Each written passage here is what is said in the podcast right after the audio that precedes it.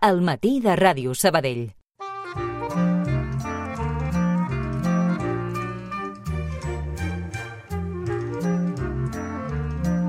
El llibre obert.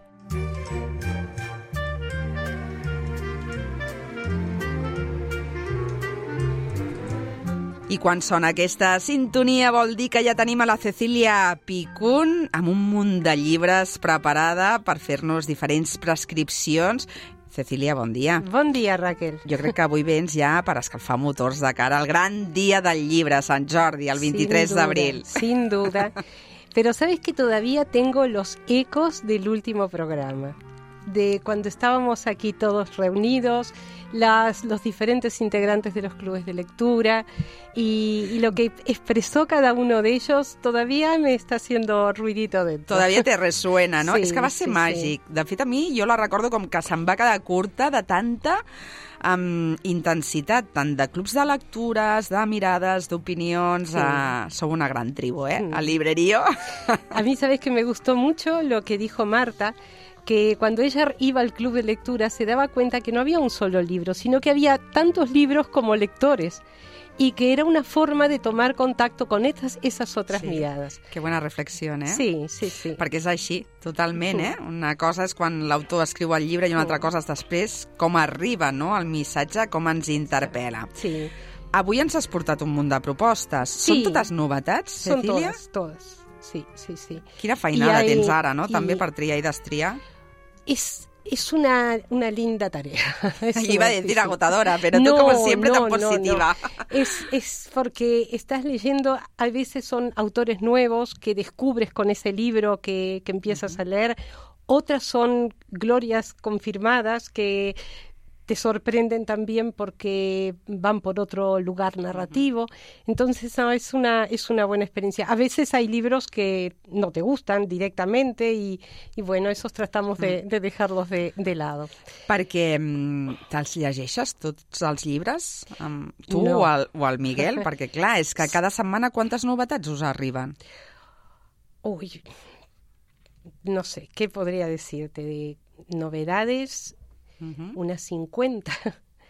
De esas 50, bueno, hacemos el tamiz y decimos, bueno, a ver, ¿cuáles son las que nos interesa leer?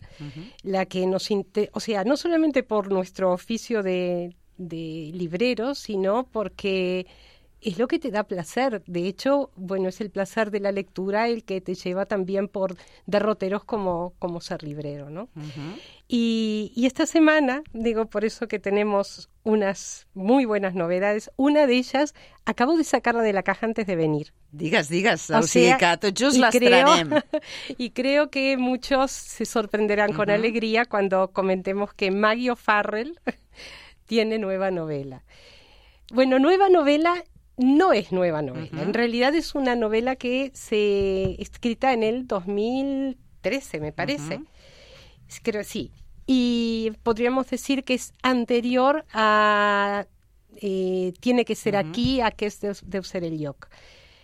Pero como nos tiene habituados Mario, Mario Farrell, es su estilo narrativo, es su voz y es también esa, ese gusanito de curiosidad que nos pone y que nos hace avanzar por el texto para llegar a un final que, que nos sorprende. que Eh, ens enganxa. Això ens agrada quan doncs, un llibre, una història eh, ens sedueix eh, i, i ens passa allò de Cecília de que no, no volem que s'acabi, no? Aquell llibre, Mm. aquella història que et quedes amb una sensació de, de buidesa, no? Al Mm. final. Pues algunos lectores te dicen que, se, que planifican el final del libro. Planifican el final en el sentido que cuando ven que falta de repente 15 páginas, 20 páginas, dicen, no, no, no puedo estar leyendo esto si estoy ya a punto de dormirme. Tengo que dejarlo para un momento en que lo voy a disfrutar y, y tal, es así. Lo dejan para ese momento, para, digamos, ponerle un buen cierre a esa lectura. Que bonic, això, eh? O sigui, mira, des d'aquí la primera recomanació hem d'agendar eh, eh, quan i com hauríem de llegir doncs, eh, l'últim de, dels llibres, no? l'últim capítol, per assaborir doncs, aquelles paraules i aquella història. De què ens parla aquest cop, també, doncs, Bueno, aquesta història? Eh, habla también mm, yo creo que tiene un, un, punto de contacto con su novela posterior, que es eh, este, Tiene que ser aquí. Porque hay un secreto, hay una situación que se da a la protagonista y que la hace huir y desplazarse a un lugar que solamente su hermana es capaz de, de estar en contacto con ella. I, i t'estic diciendo esto que Clar, ni perquè l'acabes de la leí. sortir, acaba de sortir, ho acabes de dir, però sí. és una història, doncs això, que ens parla també de, de com la família no? acaba moldejant les nostres vides. Doncs aquesta és la primera recomanació. Seguim perquè portes moltes. Sí, y, por- y quiero decir por qué es la primera recomendación. Porque Maggie O'Farrell nos tiene acostumbrados no solamente a las novelas que mencionaba hace un momento, sino a Hamnet sí. y a eh, Retrato en matrimonio y Retrato de casada. Porque tiene esa capacidad de tomar, en este caso, en estas dos últimas que menciono, tomar un hecho histórico, un personaje histórico y poder mm, zambullirse en el misterio que puede haber rodeado a ese personaje. Y el misterio también está presente en sus otras novelas y estoy segura que este será uno de los libros que en el librerío mm, más recomendaremos para San Jordi. Que ho petarà, seguríssim, així de clar. Seguim amb més propostes. Cecília, vinga. Bueno, eh, me gustaría hablar de esta novela. No sé si definirla como novela negra. Podríamos decir que es una novela negra, negro social. Y, y es el autor que es Denis Lehane, que nos, ya lo conocemos de, de otras, otras novelas que fueron llevadas al cine, por ejemplo, como Mystic River. Y, y por eso hablo de- del carácter social de, de esta novela. Esta transcurre en Boston, en la década de, de los 70, en, en pleno momento de, digamos, de, de lucha contra la segregación racial, cuando se van tomando también medidas aisladas y bueno, y hay un juez que dictamina que dos colegios, un colegio de, de barrio de blancos y otro colegio de barrio de negros, se vinculen entre sí. Y eso genera, eh, bueno, una animadversión general y genera los hechos violentos que se producen a partir de, de, ese, de esos hechos que van rodeando a, a este evento. Doncs mira, la contraportada, ara que parlàvem no, de, del plaer quan un llibre et sedueix, eh, hi ha una frase, de, una, una opinió de, de l'escriptor Stephen King que diu que és tan estimulante, cautivadora i arrebatadora que és impossible dejarla.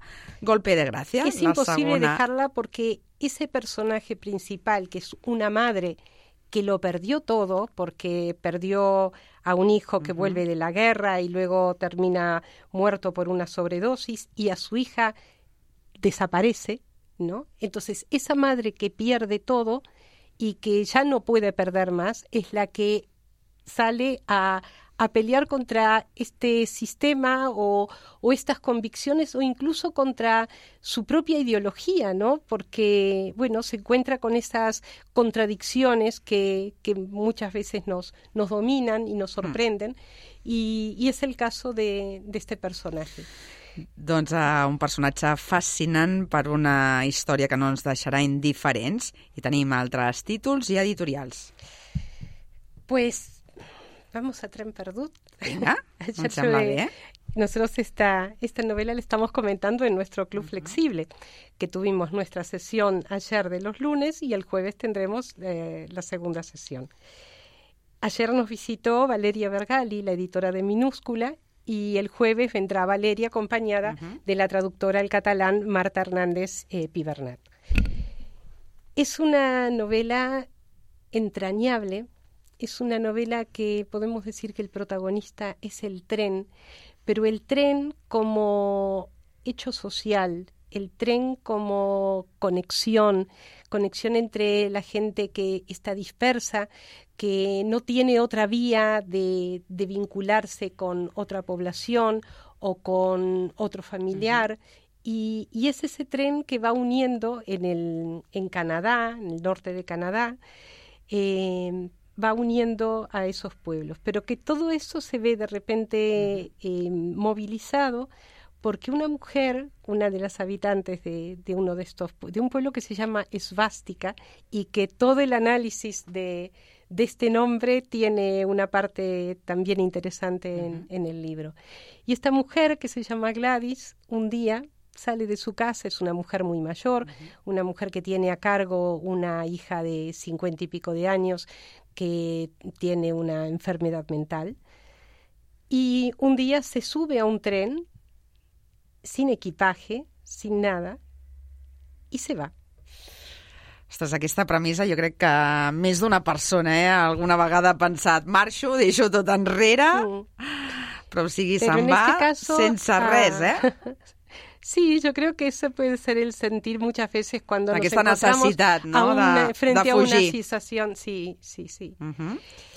Doncs uh, suposo que moltes aventures passaran sí, en aquest uh, sí, Atrem y porque perdut. además había un propósito. Uh -huh. Y ese es el propósito que se va descubriendo a lo largo del libro. Es una novela de vínculos, es una novela entrañable uh -huh. Y ayer la disfrutamos muchísimo en el club de lectura comentando sí. cada uno desde su lectura, desde uh -huh. su experiencia, porque las lecturas que hacemos nunca están divorciadas de las experiencias que vivimos. Sí. Y además, eh, Jocelyn Saucier es una escritora eh, Quebec, de Quebec que ya nos sorprendió con otros libros, uno que en alguna oportunidad hablamos aquí en el programa, que se llama Y llovieron pájaros. Y anoche comentábamos los puntos de contacto que hay entre una y otra novela. Por eso a veces uh -huh. uno piensa, y algún autor también lo, lo reconoce, que en realidad se escribe una sola novela a lo largo de la vida. Y todas esas eh, que, que, va emergiendo a partir de ciertos libros, pero que hay una gran novela que reúne a lo que es la, la obra de, de un escritor. Uh -huh. Molt interessant, això també que dius, eh? Per després doncs, aquestes connexions eh, ens agrada. Ens agrada aquesta història eh, ferroviària que segur que ens eh, proporcionarà, doncs això, històries eh, extraordinàries. Què més? Què més coses? Bueno, esta es una, una novela uh -huh. que invito a que quien nunca ha leído una novela japonesa, una novela negra japonesa, una novela policial, sí. pues conozca a este autor. És una bona manera, no?, d'endinsar-nos en aquest món, no?, d'estrenar-nos. Sí. I què ens explica aquesta novela? Eh, pues es una novela que lo primero que sorprende es su personaje, el detective, uh -huh. y las relaciones que ese detective crea con sus compañeros, con la organización, con la, la institución a la uh -huh. que pertenece, que es algo que no estamos acostumbrados. Nos sorprende, nos sorprende y nos sorprende bien, ¿no? Porque hay una situación como de, de respeto, sí. de respeto por el otro, que, que bueno, que nos, uh -huh. nos da un matiz diferente a cómo vemos las relaciones en los policiales habituales, más del tipo americano uh -huh. o incluso británicos. Y, y bueno, eh, es una novela muy, muy interesante. Yo la he recomendado. Sí. Y quienes la han leído uh -huh. han venido a decir que les había gustado mucho. Sí, que has encertat eh, amb aquesta prescripció d'aquest thriller, no? que això que també doncs, ens demostrarà doncs, altres costums i hàbits en aquesta societat japonesa. Ens queden dos minuts. Uy, uy, uy. I portes molts llibres. bueno, dos cosas ¿Sí? que no -huh.